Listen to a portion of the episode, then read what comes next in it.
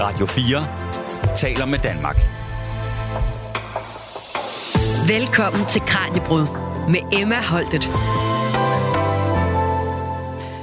Det siges, at i rummet kan ingen høre dig skrige, men det kan de altså godt i en biografsal, eller selvom du har hovedet begravet nede i puden. Hvorfor er vi så fascineret af alt det uhyggelige? Hvorfor er det, at vi helt frivilligt betaler for at lade os skræmme fra vid og sans for senere at ligge søvnløse om natten med lyset tændt, fordi hvem ved egentlig, hvad der gemmer sig under sengen? I afsnittet her, der er vi i gang med vores filmgenre følgetong, der altså sendes hele ugen, og i dag der handler det om horrorgenren. Fra en uofficiel filmatisering af det mest blodtørstige monster over dem alle, Dracula, til en legitimering af genren i Jaws og Alien-filmene i 70'erne, til nutidens horror, der takler samfundskritiske emner ved at spinde dem ind i absurditeter, uhygge og ubehag. Filmgenrens utilregnelige lillesøster, der sidder i hjørnet med ryggen til og pludselig drejer hovedet 180 grader rundt for at sprøjte ildelugtende grønt opkast ud i lokalet, er blevet voksen og noget for alle, ikke kun filmnørderne. Hvis du er let at skræmme, så er det nok nu, du skal finde puden frem, som du kan gemme dig bag for den næste times tid. Den står altså i horrorgenrens tegn. Velkommen til dagens Kranjebrød. Du lytter til Radio 4. Og som en hver god horrorfilm, så skal vi jo altså have en eller anden smart professortype, der kan gøre os klogere på, hvad end der truer os. Og uh, Mathias Klasen, lektor på engelsk ved Aarhus Universitet og leder af Recreational Fear Lab. Valget det er faldet på dig i dag. Jeg er hverken særlig smart eller professor, men okay. Men, uh, men altså, godtager du rollen? Øh, Vil du være vores kan, guide? ja, jeg skal nok prøve Okay. at udsige noget nogenlunde kvalificeret Okay. om, om skræk og rædsel. Tror, tror du selv, at du ville overleve, hvis vi for eksempel stod midt i en zombie-apokalypse? Ja, jeg vil overleve. Ja, det vil jeg. Det vil du? Ja. Det, øhm, dertil er min viden om, øh, om zombier og de levende døde simpelthen tilstrækkelig. Så, så jeg vil vide, hvordan jeg skulle gebære mig for ikke at blive spist levende. Hvad vil være det første, du vil gøre? Jamen, jeg vil forskanse mig et godt sted Ja. øh, med masser af proviant og forskellige former for redskaber, som jeg kunne bruge til at bekæmpe de levende døde, når de kom for at spise mig. Okay, men altså, så jeg føler mig tryg i dine hænder så den næste time. Det lyder som om, du har, du har styr på, på sagerne. Mm. Vi skal altså snakke om øh, horrorgenrens begyndelse lige om lidt. Men, øh, men først vil jeg gerne høre, hvorfor er det egentlig, vi, eller i hvert fald de fleste af os, godt kan lide det her med at blive udsat for uhyggelige ting og se de her film? Jamen, det er jo det store paradoks, ikke? Og det er sådan set det forskningsspørgsmål, der har drevet mit arbejde i lang tid. Hvorfor opsøger så mange af os frivilligt den her type underholdning, som handler om at få os til at skrige og græde i redsel, og Ja. tit så er der også en pris at betale i forhold til mareridt, eller man er nødt til at sove med lyset tændt. Ja. Men jeg tror i virkeligheden, det handler om, at vi er indrettet fra naturens hånd til at finde nydelse i den leg med frygt, som horror tilbyder. Altså det handler om at, at ligesom prøvekøre nogle af kroppens øh, forsvarssystemer. Mm. Øhm, få dem testet, få dem optimeret i virkeligheden. Altså, så så jeg, jeg, jeg, jeg ser det som en form for leg med frygt, hvor man kan, øhm, hvor man kan finde nydelse i at blive bange, velvidende, at der ikke er reelt fare på færre.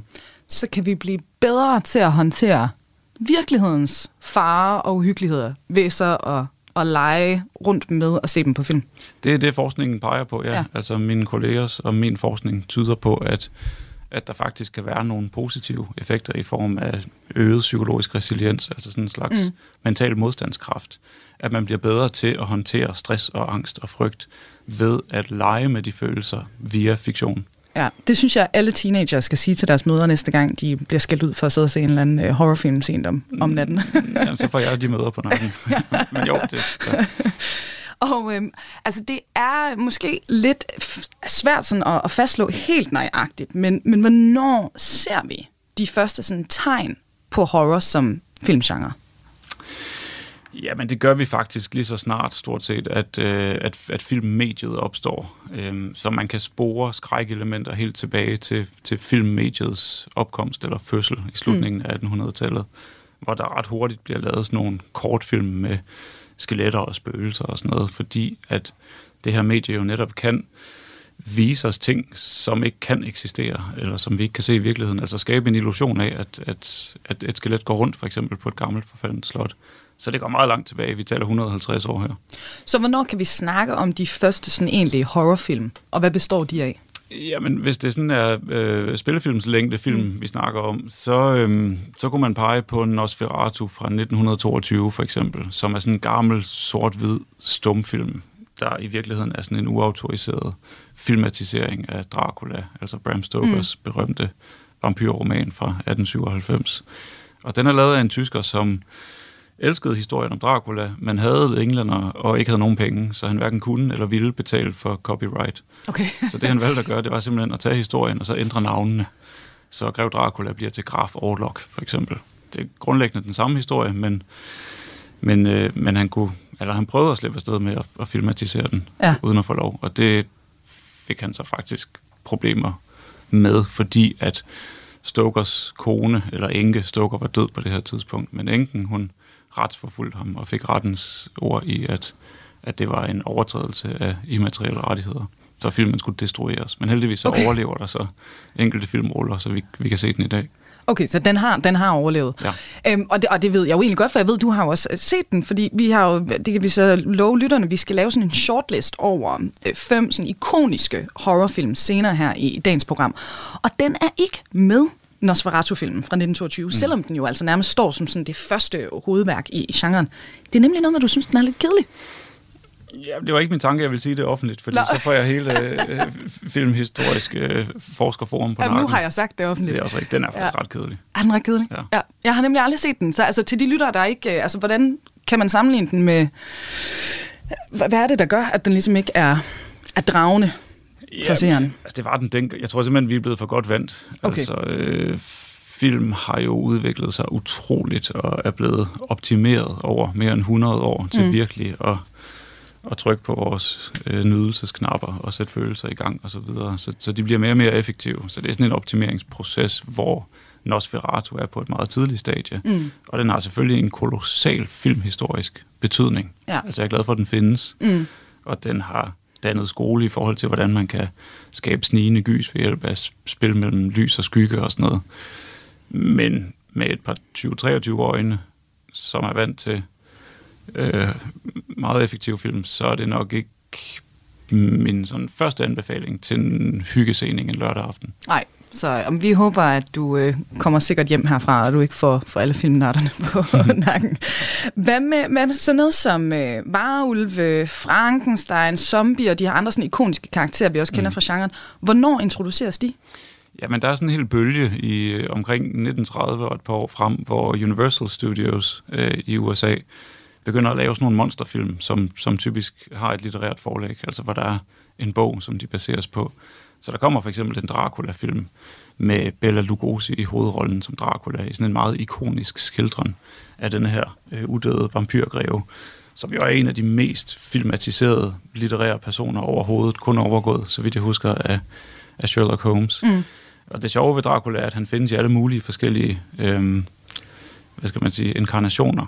Ja. Fra det meget sådan romantisk sexede til det dyrisk vemmelige. Så i Nosferatu, der er vampyren faktisk ret tæt på, hvordan den skildres i Stokers roman, mm. som sådan en rottelignende monster, der, der er fælt og klamt og smitsomt. Og så i modsætning hertil er så Bela Lugosis udgave i denne her Hollywood-film fra 1931, hvor Dracula pludselig har sådan en velstrøget skjorte og fint jakkesæt og pomade i håret mm. og ingen hugtænder og sådan noget. Ja. Så, det er også der, Dracula bliver lidt sexet. Altså, Ja. øh, ja. Jo, altså, og hele det der med, med sexede vampyrer går endnu længere tilbage, mm. men det vil være nok et, en, en, En helt andet program. Ja. ja. Og, øh, og Mathias, du har også fortalt mig, at, at i øh, 1960'erne, der bliver regler og konventioner vendt på hovedet i forhold til genren. Øhm, og det er især på grund af, af én film. Hvad er det, der sker her? Jamen, der sker flere ting. Øh, der sker Hitchcock, for eksempel, øh, som laver Psycho, mm. der kommer i 1960, som i den grad chokerer biografpublikum, fordi Hitchcock han er dristig nok til at lege med sådan nogle Hollywood-konventioner, for eksempel i forhold til, at vi forventer, at en hovedperson formentlig overlever. Mm. Og det sker ikke i Psycho. Der dør hovedpersonen 30 minutter ind i filmen, og folk sad jo fuldstændig chokeret og målløst tilbage og tænkte, vi er i, i, i, en, i en galningshænd. Alt kan ske her.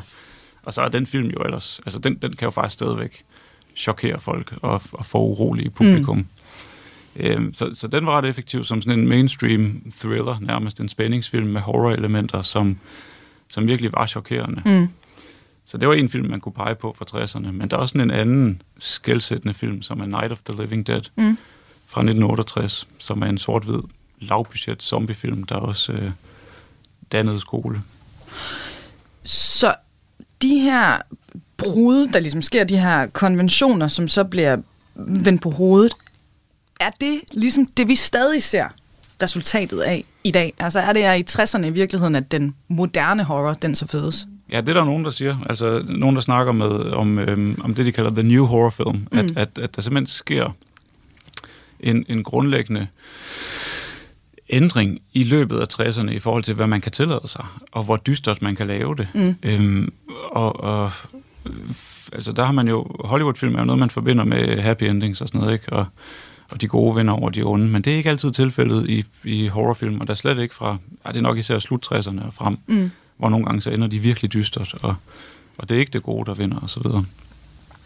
Så det er her i virkeligheden, vi får den der, alt er ikke nødvendigvis godt igen. Mm.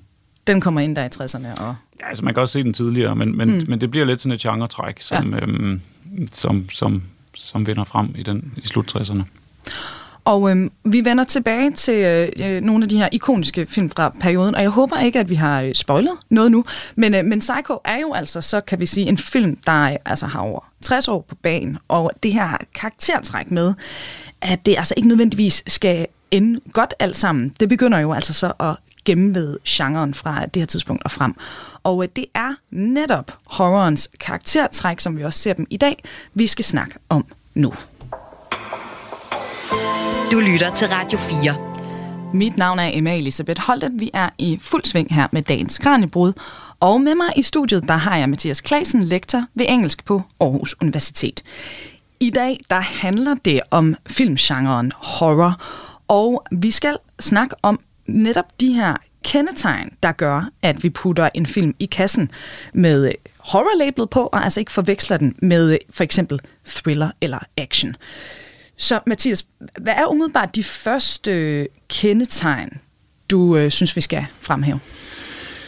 Altså, det, det er faktisk en svær diskussion. Hele sådan en, en, en genre-teoretisk eller genre-afgrænsningsdiskussion, den er, Øh den er kompleks på en sådan virkelig kedelig akademisk måde. Men øh, jeg tror, jeg vil pege på, at, at hvis en film tydeligvis er konstrueret med det primære formål at skræmme publikum. Mm. Altså det der med at skræmme og fremkalde frygt, angst, væmmelse, redsel, skræk, mm. så taler vi horror. Ja. Hvis det er mere sådan den der sådan lidt mere afdæmpede spænding, hvor, hvor man måske sidder og bider lidt i neglene, og man kan godt mærke hjertet lidt, og sådan, så er det thriller, mm. men der er et kæmpe overlap mellem de to, og nogle gange så bruges de betegnelser lidt efter for godt befindende, afhængig af, om man gerne vil antyde, at en film er god eller ej.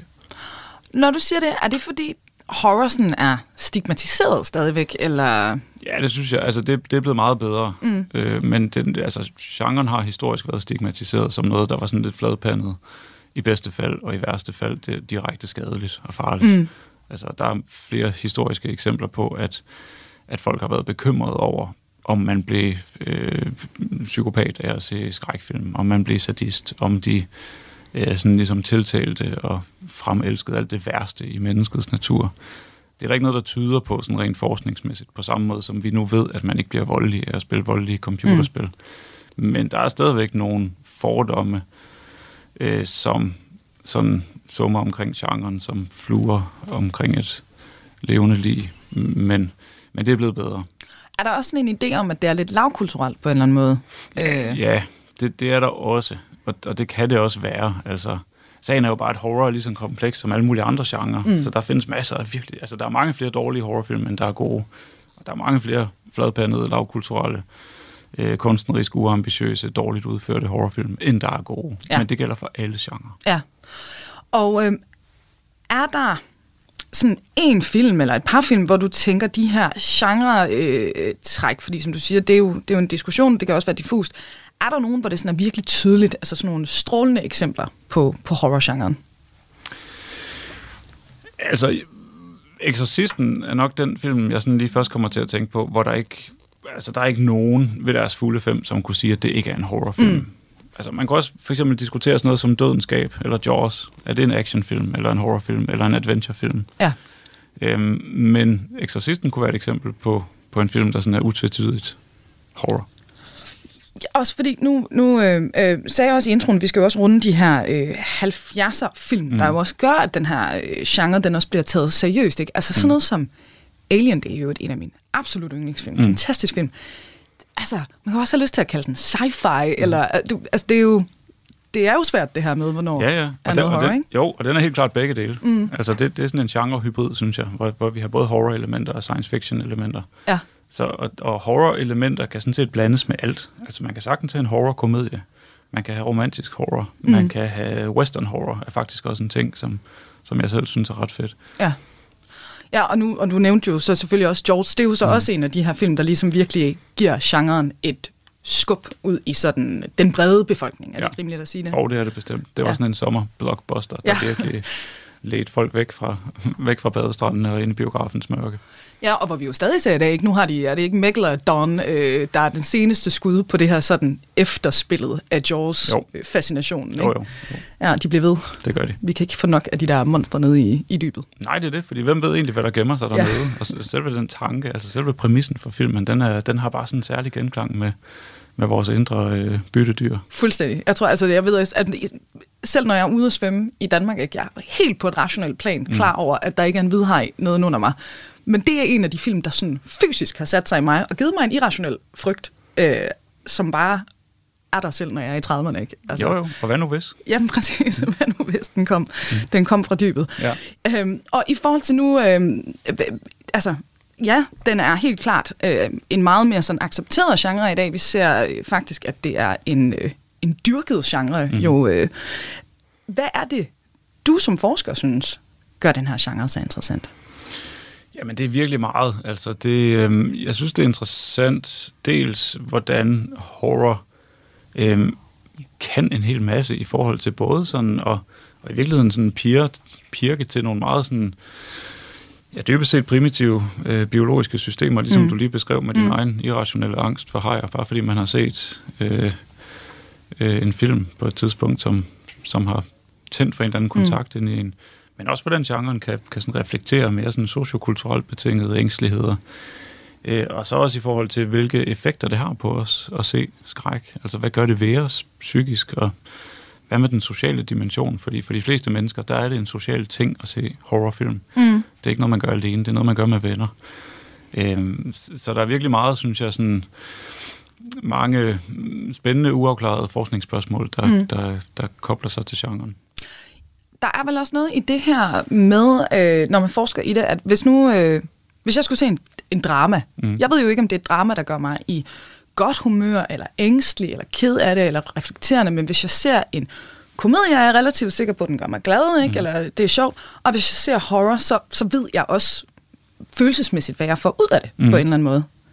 Er, er det også noget, øh, som optager dig i forhold til, hvordan I måler på det, og Ja, det er det, fordi altså, det er jo, man kan sige, det er en affektivt defineret genre. Altså en genre, der er defineret ved den øhm, tilsigtede publikumsreaktion. Mm. Så når genren virker, så fremkalder den såkaldt negative følelser. På samme måde som når en stand-up-komiker er sjov, så griner folk, eller når en komediefilm er sjov, så griner man.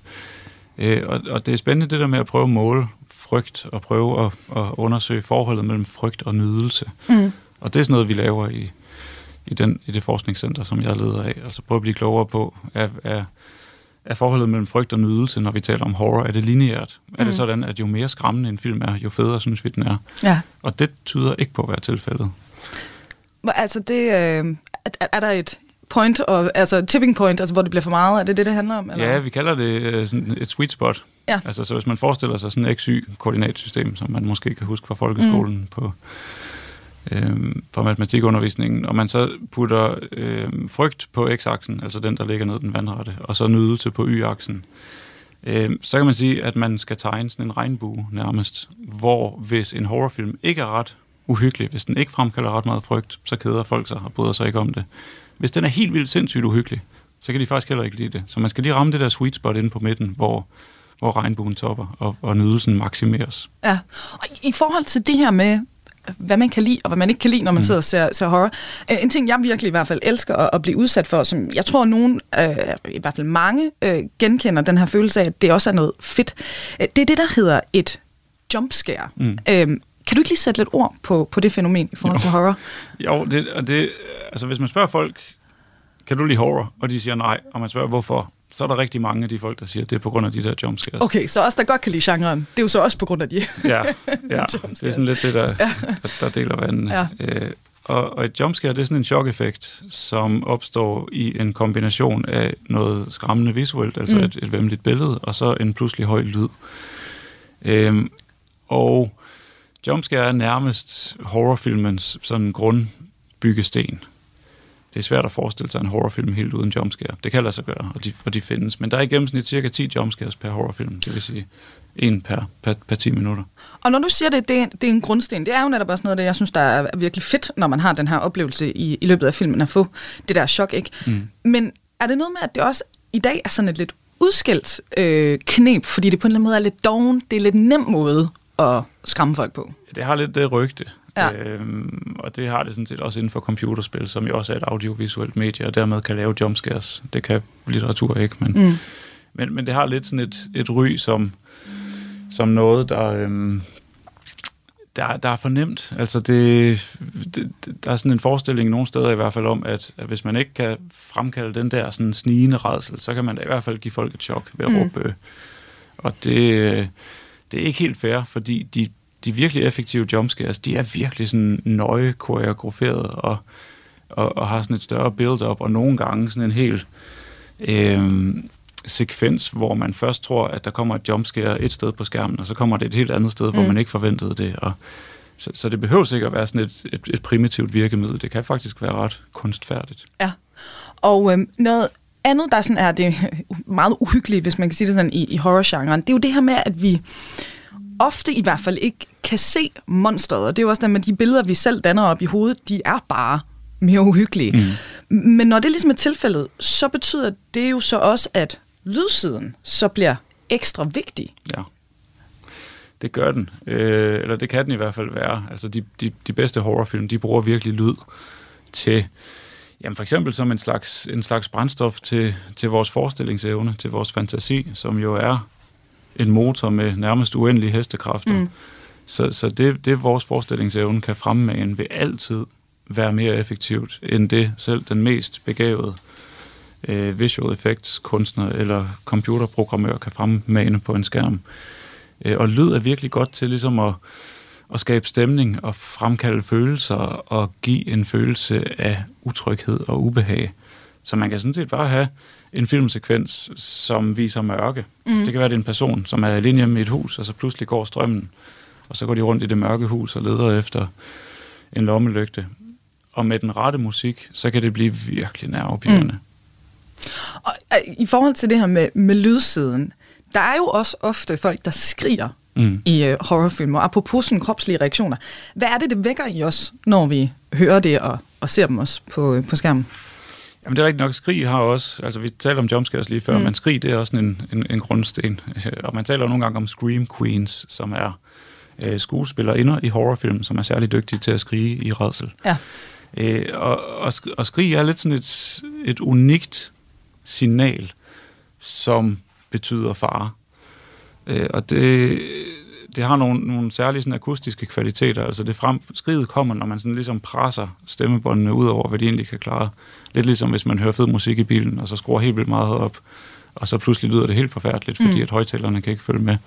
Og det kan man også gøre med, med, med sin stemme ved bare at, at overbelaste den. Og så giver det sådan et skrig, som øhm, på tværs af kulturer og på tværs af tidsperioder bare betyder hjælp, der ja. er fare. Og det, og det er ikke kun mennesker, det er også alle mulige andre dyr, der skriger, når der er fare på færre. Så det er også et virkemiddel i horrorfilm, som fortæller os, at vi skal være bange, som ligesom mm. instruerer os i, at, at her er der noget vemmeligt. Og som vi sådan helt kropsligt intuitivt reagerer på. Ja, ja, det, ja. det, det, det, kører, det sker direkte igennem al sådan civilisation ja. og dannelse, og går direkte ind i, i urcentret. Og øhm, i, i forhold til virkemidlerne og det her med at se monsteret eller ikke se monsteret, altså hvis man nu endelig nogle gange skal man jo også se monsteret ikke, på, mm. på det store lade, så er det jo altså ofte noget, som, som ligesom enten er meget ulækkert eller på en eller anden måde frygtindgydende. Øhm, og så har horrorgenren også med sådan at fokusere på det her med sådan kroppen, altså mm. monsterets krop, men også den menneskelige krop, der bliver lemlæstet. Og mm. hvad er den her øh, fascination på en eller anden måde i genren i forhold til det her med, med kroppen? Jamen, jeg tænker, det er bare en, en af mange mm. øh, sådan, øh, redskaber i horrorgenrens værktøjskasse. Fordi når den, altså, når den genre, den ligesom sigter efter at skræmme os og forurolige mm. os og, og fremkalde de her følelser, så er der forskellige måder, den kan gøre det på. Og en måde, den kan gøre det på, det er ligesom ved at, at spille på vores øh, biologisk betinget frygt for kroppens forfald. Altså simpelthen ved at vise kropslige ødelæggelser. Mm. Øh, og det er jo nok noget, de fleste af os synes er en, en vemmelig tanke. Altså, dels er det ikke for de fleste af os ret sjovt at se på ødelagte menneskekroppe, øh, og dels så bryder vi os ikke om at, at, at, at få vores egen krop øh, herved. Men altså samtidig så er der en vis fascination, det man nogle gange kalder morbid nysgerrighed. Mm. Altså en, en interesse i det vemmelige og de ødelagte kroppe mm. og, og døde og sådan noget. Så, og den der morbide nysgerrighed er formentlig sådan en læringsmekanisme, der er opstået evolutionært for ligesom at anspore os til ikke bare lukke øjnene, når vi ser noget klamt, men lige holde lidt øje, så vi lærer øh, noget om de farer og de trusler, der findes ude i verden, for på mm. den måde at kunne undgå dem. Så altså, der er det her, øh, altså med kroppen også, som jeg hører, du siger, sådan en eller anden form for, for transformation af menneskekroppen. Altså er det zombien, er det mumiet også? Altså det er jo den her menneskekrop i forfald, eller som mm. er blevet overtaget af noget, noget andet, ikke? Jo, netop i forrådelse. Eller det kan ja. også være altså, det, mennesket, der bliver besat af en dæmon. For eksempel. Mm. Det er også noget, vi kender fra horrorfilm. Mm. Eller den kanadiske instruktør David Cronenberg laver også noget body horror, hvor, hvor, hvor kroppe pludselig altså hvor grænsen mellem kroppen og omverdenen bliver sådan lidt diffus på en ret vemmelig måde. Så, så det er bestemt øh, et udbredt virkemiddel mm. i horrorgenren, det her med, med, med kropslige øh, ødelæggelser eller, eller forvrængninger. Ja, og som vi jo for nylig har set i The Last of Us, ikke? Altså apropos natursyn og pandemier og alt sådan noget, de mm. her svampeorganismer, der så overtager, ikke? Altså, det, vi kommer også ind på det senere, ikke? Men det her sådan samfundskritiske, mm. der bliver pakket ind i den her krop af forfald og, ja. og uhyggelighed. Mm. Altså i forhold til, øh, til, til lemlæstelsen, øh, nu er en ting selvfølgelig det her med, med zombierne og, og så videre, men der er jo også offrenes kroppe, mm. der kan blive lemlæstet af zombierne. Ja.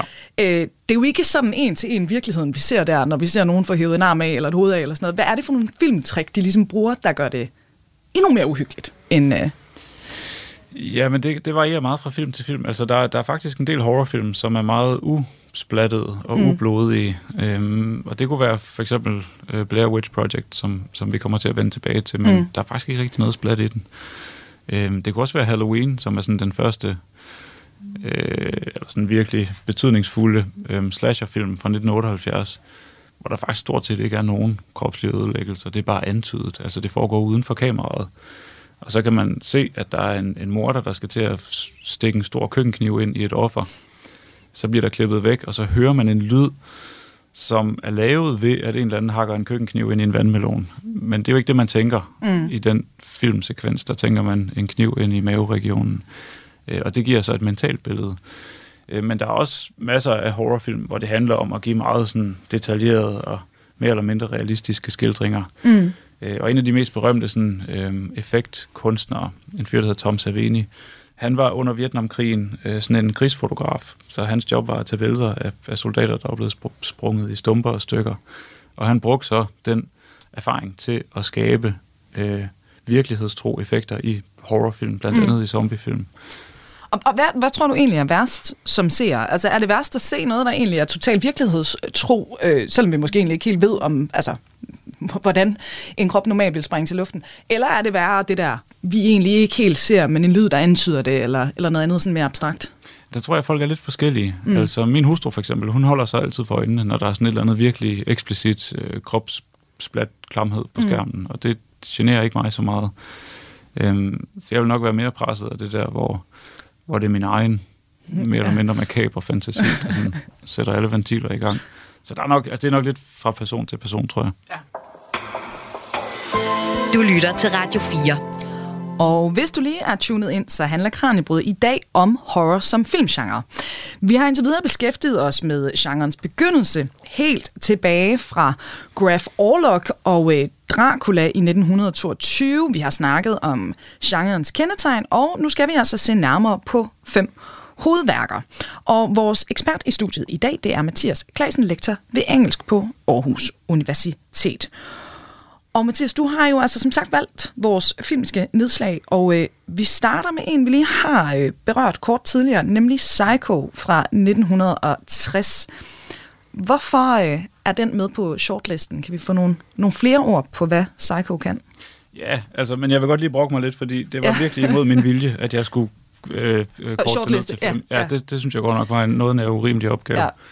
Så, øh, så det er øh, skrigende og spjættende, at vi er nået frem til den der liste. Der og vi siger igen, hvis der står nogle film, der er derude, der så er klar til at, at angribe dig efterfølgende. Altså, Jamen, det er det, præcis, det er ikke min skyld. Det er, præcis, ja, ja, ja. det er vores skyld. Ja. ja.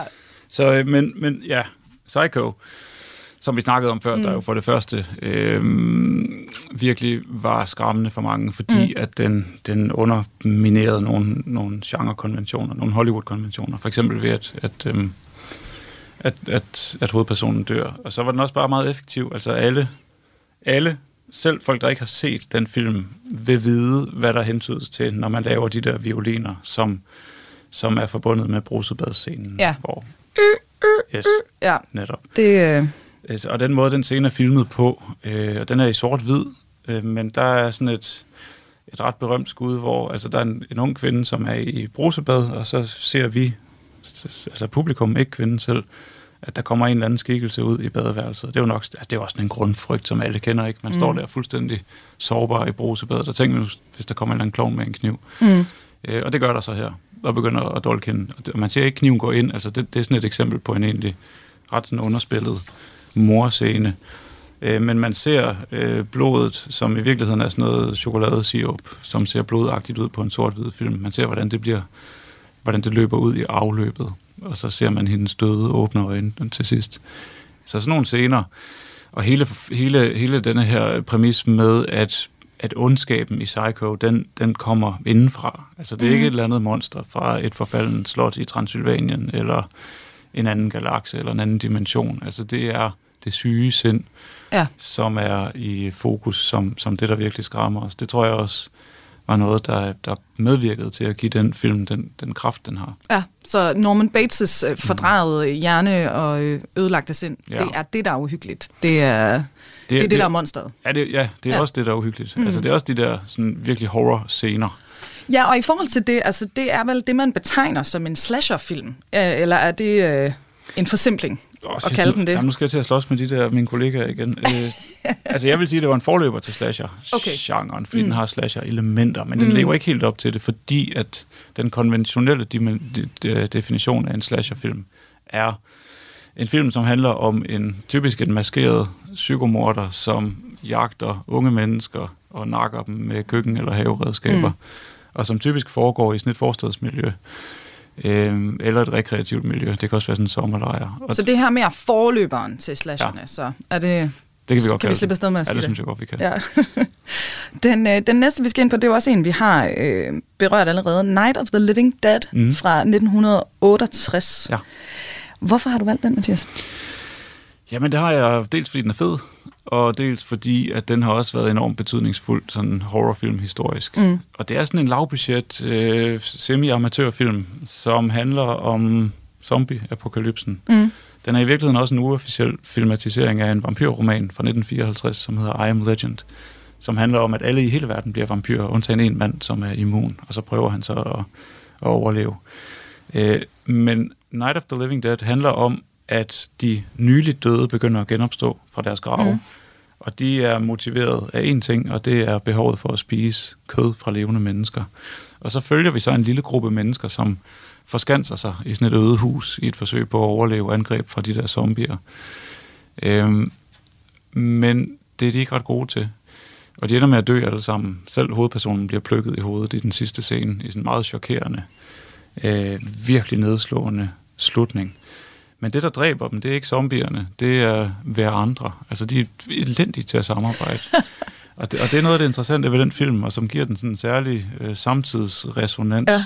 Fordi den kommer på et tidspunkt, hvor den vestlige kultur generelt, og måske især USA, er sådan præget af en vis desillusioneret, mm. øh, sådan post-hippie, øh, begyndende Vietnamkonflikt, øh, tidsånd, som er karakteriseret ved Jamen, en erkendelse af, at, at mennesker kan virkelig være nogle modbydelige dyr, og øh, at øh, systemerne er måske ikke så robuste, som vi troede, og tænk, hvis helt lortet synker i grus, hvad så?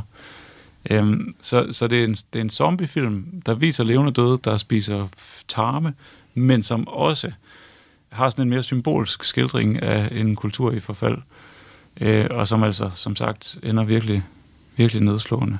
Ja, det er det her med, det behøver ikke ende godt. Nej. Det, øh, Og det er faktisk en pointe, at det ender så nederen, som Ja. det gør. Altså, det er noget af det, der giver filmen tænder.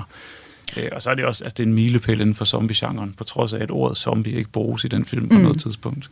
Så er det stadigvæk der, hvor den moderne zombie bliver ligesom krystalliseret.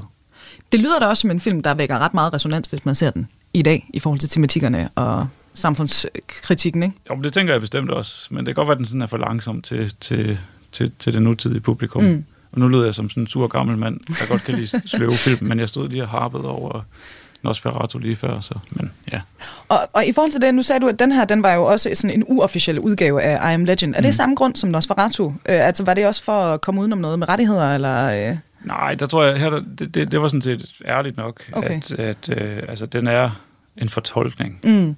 og, og så fjern fra forlægget, at det kunne man godt sådan med god samvittighed gøre. Og så vidt jeg husker, så kontaktede George Romero, som lavede filmen også, øh, Richard Matheson, som er forfatteren bag Mm. I Am Legend, og, og udvekslede øh, gode ord. Okay, så der var ikke noget bad blood øh, Ikke der. så vidt jeg ved, nej. Vi skal frem til 1973 med vores næste nedslag her. Også en øh, film, vi allerede har øh, nævnt i forhold til det historiske. Øh, Exorcisten. Mm. Her kan man jo altså tale om en film, der, øh, der virkelig også har ret meget øh, foregået. Altså, der, der sker meget også på, på lydsiden. Mm. Hvorfor øh, er Exorcisten et af de fem nedslag? Jamen, det er også sådan en film, som skrev historie. Altså, der var jo, man kan finde nogle gamle sort-hvide pressefotos fra 1973, der lige, lige mellem jul og nytår, hvor filmen havde premiere i USA, Mm. hvor folk simpelthen står i 100 meter vis lange køer ude foran Mm. biograferne for at komme ind og se den her film, som alle talte om.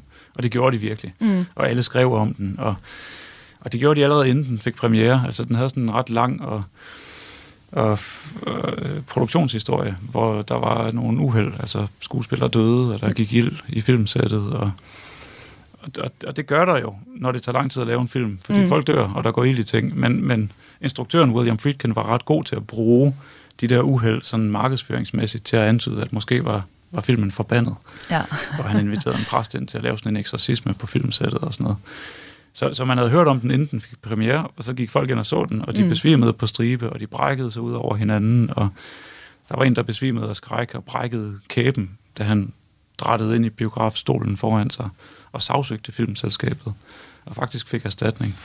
Øhm, han sagsøgte dem, fordi han synes, den var altså, så skræmmende. At, at Det er var alt sammen fantastisk PR, ikke? Jamen, det er altså, det. Ja. Så den må man jo bare se. Ja, ja. Og så- det, Og, og så var der sådan nogle øh, øh, scener, som var blevet klippet ud, angiveligt, fordi de var for skræmmende, og folk snakkede om det. Og så blev de så sat tilbage i filmen i 2001, Directors Cut-udgaven. Ja, og så skulle man se den igen, ikke? Og, så, så, men, den, men den kan også noget. Mm. Altså, den kan noget med lyden, den kan noget med nogle vemmelige billeder, den har den der resonans, vi snakkede om, og så er den bare virkelig godt skruet sammen. Ja. Så altså en blockbuster med god grund, det ja. Er ikke bare hype. Den, Nej. øh, den var altså også øh, en god film. Mm. Så øh, vi bliver i 70'erne faktisk. Nu skal vi snakke om øh, Halloween. Mm. Øhm, og øh, nu så vil jeg så gerne kalde den en slasherfilm. Det gør Kan- vi. Det gør vi, ja. Godt. Øhm, og, øh, og på den måde, så har den jo så også nogle træk, øh, som vi også har set i, i Psycho. Ikke? Mm. Hvordan skiller den sig ud? Jamen, det gør den ved virkelig at få banket sådan en, en formel sammen. Mm. Altså, øh, den er lavet igen på et lille budget, og det er jo noget, der karakteriserer mange af de bedste horrorfilm, at, at de er lavet for ganske små penge. Øh, Og jeg tror, det, jeg tror, der er en, sammen, en meningsfuld sammenhæng, fordi at hvis en instruktør ikke har ret mange penge, så er han eller hun nødt til at tænke kreativt i forhold til, hvordan man skræmmer publikum. Og det er tit der, de sådan store øh, genreudviklinger sker. Det er, Mm. når nogen på et meget, meget lille budget finder på et eller andet nyt. Mm. En ny måde at filme på, eller en ny måde at bruge lyd på, eller whatever. Så han havde et lille budget. Han havde 21 dage. Øh, 21 dage? Ja, den, lavede, den er indspillet på 21 Hold dage. Ja. Og han har selv lavet musikken, som også er blevet ikonisk. Og, og den er jo meget enkel. Altså, den handler om nogle babysitter, som bliver jagtet af en psykomorder med mm. en maske og en køkkenkniv. og så er der en af dem, der overlever, og det er The Final Girl, som man kalder hende. Men den er bare, altså det er bare bundsolidt filmisk håndværk. Mm. Og den holder stadigvæk. Mm. Og vel en opskrift, der stadig altså, inspirerer den dag i dag, ikke? Jo, og det gjorde den ret hurtigt. Altså, mm. ret hurtigt var det tydeligt for alle og enhver, at, øhm, at den her opskrift, den kan noget. Så i løbet af 1980'erne, som i den grad er slasherfilmens mm. årti, der blev der altså lavet og udgivet mere end 700 slasherfilm i USA.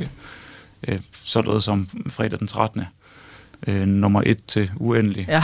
som, som er sådan totalt rip-off af Halloween. Og Mathias, vi skal nå en til mm. film på, på shortlisten, og det er også en af dem, vi, øh, vi har nævnt, nemlig The Blair Witch Project fra 1999. Ja. Øhm, og man kan sige, at vi har jo været meget sådan i dag i, i, i 60'erne og 70'erne med nogle af filmene, vi har snakket om. Det er jo altså så den nyeste film på, på listen. Hvad mm. kan den? Øhm? Spørgsmålet er måske, hvad den kunne. Fordi ja. det, den, det den kunne, det er blevet gjort efterfølgende mange gange. Mm. Også fordi, der, altså ligesom de andre nøgleværker, vi peger på her, der er det virkelig nogen, der har dannet skole, og, og, øh, og som er blevet øh, kopieret og gjort kunsten efter, efterfølgende. Men The Blair Witch Project er igen sådan en film, der er lavet på et uselt budget. Mm. Næsten ingen penge. Øh, som handler om tre unge filmstuderende, der tager ud i en skov i Maryland for at lave en dokumentarfilm om en heks. Og så får de vild og dør. Og der sker ikke en skid i den film. Mm. Men alligevel er det 90 minutters nerveflænsende, øh, sådan virkelig ængstelig forventning om, at der kommer til at ske et eller andet. Mm. Og det fede er, at den blev markedsført som en dokumentar. Vi kalder det en found footage horrorfilm. Mm. Det vil sige en horrorfilm, der ser ud, som den ville have set ud, hvis det var ægte. Mm. Men den blev rent faktisk markedsført som, som virkelig film, man havde fundet ude i skoven. Og det var vi altså mange, der troede på der i slut 90'erne. Øh, og, det, og det er bare sådan, at når noget er virkeligt, så rører det os mere, end når det er fiktivt. Og, og horrorfilm, de prøver altid at ligesom reducere den øh, psykologiske distance, som er mellem en, en øh, filmseer og så filmen. Altså, de prøver sådan at bilde os ind, at det er ægte, eller det kommer til at se ægte ud, ikke? Og det gjorde The Blair Witch Project, som formåede at vende de der øh, budgetbegrænsninger til en kæmpe fordel, fordi den er filmet helt af helvede til. Altså, den er så dårligt filmet. Men det bliver en fordel, fordi så ser det ud som om, at det er sådan noget håndholdt øh, hjemmevideokamera, som giver den der autenticitetsæstetik, som altså skræmmer. Hvad var reaktionerne, da det så kom frem, at det her, det er altså bare en film? Jamen altså, nogen, nogen blev søsyge, og der var mange biografer, der var nødt til at sætte skilte op udenfor, hvor der stod, at hvis man havde nemt til søsyge, så skulle man nok ikke gå ind og se den, fordi det der shaky cam, det kan være øh, lidt sådan kvalmende. Ja. Men, men den skræmte folk, og, der var mange, der havde gennemskuet, at det var, at det var fup, at selvfølgelig var det bare. Øh, men altså, hvis man slår op på IMDB, som alle kender i dag, ja. men som var ret ny dengang i slut 90'erne, så kunne man godt finde de der tre skuespillere, hvor der stod missing, presumed dead, altså de var formodet døde. Fedt. Så, men, men, øh, men det var ikke, fordi folk blev sure, da de så opdagede, at det var et gimmick. Altså man, man går ligesom med på, at nu, nu er det horror, nu skal vi skræmmes, og alle træk gælder. Du lytter til Kranjebrud på Radio 4. Og øh, vi er snart ved vejs ende. Der er lys forude. Vi er næsten sluppet ud af det forfaldne hjemsøgte hus, hvis øh, det der ikke lige var, fordi der står en øh, galning med motorsav og øh, løber i hælene på os. Hvor med alting er, så skal der altså øh, her til sidst ses nærmere på det her med, hvor horrorgenren den er lige nu. Så Mathias, hvordan opfattes horrorgenren i dag? Øh, mere komplekst end nogensinde før, tror jeg. Mm. Fordi der er stadigvæk folk, som synes, at horror det må være noget fladpandet fjol, som tiltaler teenagefyre, der sidder hjemme i kælderen og pusser deres actionfigurer, mens de ser slasherfilm. Og der er også folk, som har indset, at horror faktisk kan noget, mm. og at den kan være æstetisk interessant og moralsk interessant, og at den kan i tale sætte alle mulige ting, som, som bekymrer os på en måde, som andre genrer måske ikke kan. Og så alt derinde midt imellem. Mm. Så øh, ikke desto mindre, så er det et virkelig godt tidspunkt at være horror-entusiast, fordi der er så meget god horror derude. Altså, der laves film, som har noget på hjerte, og som øh, bruger mediets, øh, altså virkelig til, til til, til at lave noget, der er flot, og noget, der er godt, og som er skræmmende, og som ikke skammer sig over, gerne vil få folk til at skrige i redsel og hoppe i biografsædet. Fordi vi har jo også nævnt det tidligere i forlængelse af det, du siger. Altså, der er jo også øh, det her med, det er virkelig en genre, der sådan kan takle samfundskritiske mm. emner, ikke? Øhm, I hvilke sådan nyere film ser vi det, og, og hvorfor er det, at lige præcis horrorgenren er sådan særligt god til det her? Jamen, der er sådan set mange af de, af de nyere film. Man taler om sådan en, en horror-renaissance, som har stået på i 8-10 år efterhånden. Mm. Med, med sådan nogle kunstnerisk ambitiøse og, og socialt bevidste, men også genremæssigt begavede horrorfilm. Mm. Øh, og et eksempel, som mange nok kender, det er den film, der hedder Get Out af Jordan Peele, som er sådan en horror science fiction ting, øh, som handler om alt muligt, der, der, øh, der holder amerikanerne vågne om natten. Ikke monstre, men øh, rasespændinger og øh, sådan den øgende polarisering politisk, man ser i USA. Og, altså, der, der bruger den horror- og science fiction-genrenes virkemidler til at skabe en underholdende fortælling, som har en hel masse på hjertet lige mm. under overfladen. Og det er noget, horror er god til, synes jeg, at, at ligesom køre på to niveauer. Altså der er dels det konkrete, hvor det handler om zombier og vareulve og hovedeksplosioner og sådan noget. Og så er det mere symbolske plan, eller sådan konnotativ, hvor man kan få alt mulig bagage ind, som, som, som den øh, interesserede ser kan sidde og analysere sig frem til, og den uinteresserede kan ignorere og stadigvæk have en god filmoplevelse. Mm. Og vi har også rundet øh, altså 70'erne og det her sådan, ja, den eksplosive periode, kan man sige, for genren, hvor det virkelig bliver sådan øh, en populær filmgenre mm. og, øh, og gå ind og se i biografen. Øhm, I forhold til det, altså for eksempel, synes jeg, øh, Alien, altså når man ser den i dag, mm. den holder jo stadig. Ja, det gør den. Hvilket er helt vanvittigt. Mm. Øhm, og måske det samme kan man jo til dels sige om, om Jaws, ikke? Vi bliver jo. jo stadig skræmt af monstret fra, mm-hmm. fra dybet, og øh, er helt med på, på den præmis. Når det er sagt, så er der jo især siden de første horrorfilm, men jo også siden 70'erne, sådan Golden Age der, mm. er jo altså sket en massiv udvikling, må man sige, ikke? Altså i forhold til filmteknikker, make-up, CGI. Mm. Hvad har det gjort for, for genren, sådan som den er i dag? En mangfoldiggørelse, tror jeg egentlig, fordi mm. øh, der laves horrorfilm med masser af CGI og effekter og kæmpe budgetter, og der laves horrorfilm på bitte små, altså der er, sådan et, der er et helt produktionsselskab, som hedder Blumhouse, som øh, har fundet den opskrift, at, at de laver horrorfilm for, for bitte små budgetter, maks 5 millioner dollars. Til gengæld får instruktøren fuld sådan kreativ frihed. Og det har vist sig at være en opskrift, der holder. Øhm, så, øh, så man kan virkelig, altså der, der er sådan en diversificering, kunne man nærmest sige, af horror, hvor, hvor det jo også er blevet meget mere tilgængeligt, fordi vi har alle de her streamingtjenester, hvor man kan finde noget nærmest for enhver smag. Mm.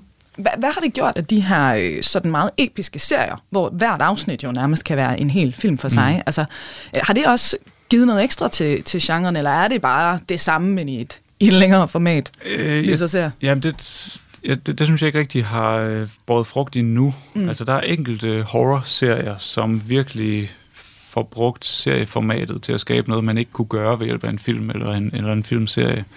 Jeg synes for eksempel The Haunting of Hill House, som er sådan en Netflix-filmatisering af en klassisk horrorroman fra 50'erne, mm. den gjorde det virkelig godt. Øh, og, og, og brugte de mange afsnit til virkelig at give nogle nuancerede karakterskildringer, og også havde masser af jumpscares og klamme ting. Og, men, men altså, vi, vi venter stadigvæk på, tror jeg, at, at de virkelig, virkelig fede øh, horror-serier bliver, øh, bliver noget, man, man, man kan få flere af. Og i forhold til netop, hvad der kommer, altså her på, på falderibet, er der andet, du glæder dig til at se, hvordan det ligesom bevæger sig eller udspiller sig for, for genren? Øh, ja, jo jo, altså jeg glæder mig bare til, at der kommer nye og fede og flere ting. Ja. Men jeg tror ikke, der er noget sådan lige specifikt. Sådan. Der er heller ikke nogen serie, du står og venter på, eller film, du tænker, det der, det glæder jeg mig til, det bliver genlavet eller taget op igen? Eller? Altså, der, der, det tyder på, at ham, der lavede The Haunting of Hill House, Flanagan hedder han, at ja. han er i gang med en filmatisering af en klassisk Edgar Allan Poe-historie, som hedder The Fall of the House of Usher. Mm. Og det er jeg spændt på. Men han er sådan lidt hit or miss, ham Flanagan der. Han har lavet noget af det bedste horror nogensinde, og så har han også lavet noget værre bras. Så vi får se, hvad han gør ved, ved Poes historie. Fremtiden vil vise, om, øh, om det bliver godt eller skidt. Det bliver simpelthen det sidste skrig herfra. Mathias Klasen, lektor på engelsk ved Aarhus Universitet og leder af Recreational Fear Lab. tusind tak, fordi du være vores guide her i dag. Det var en fornøjelse. Mit navn det er Emma Elisabeth Holtet, og husk, vi sender Kranjebrud alle hverdage her på Radio 4. Så hvis du har en idé til et emne eller et spørgsmål, du gerne vil have eksperternes svar eller forklaring på, så skriver du bare ind til os, og det er som altid på kranjebrud 4dk Nu er der ikke andet tilbage end at sige tak, fordi du lytter med. Og programmet her, det er produceret af Videnslyd for Radio 4. Musik er en hurtig genvej til at komme ind bag facaden. Hvis man skal sige essensen af, hvem er jeg, så er det de samme. Ind bag den offentlige person. De synger også irriterende godt. I Portrætalbum bruger Anders Bøtter musikken til at vise nye sider af sine gæster. Gita Nørby, Tim Christensen, Sofie Gråbøl, Anders Akker, Allan Olsen. Både dem, du er fan af, og dem, du ikke troede, du havde noget til fælles med. Velkommen til Portrætalbum. Lyt til Portrætalbum i Radio 4's app, eller der, hvor du lytter til podcast.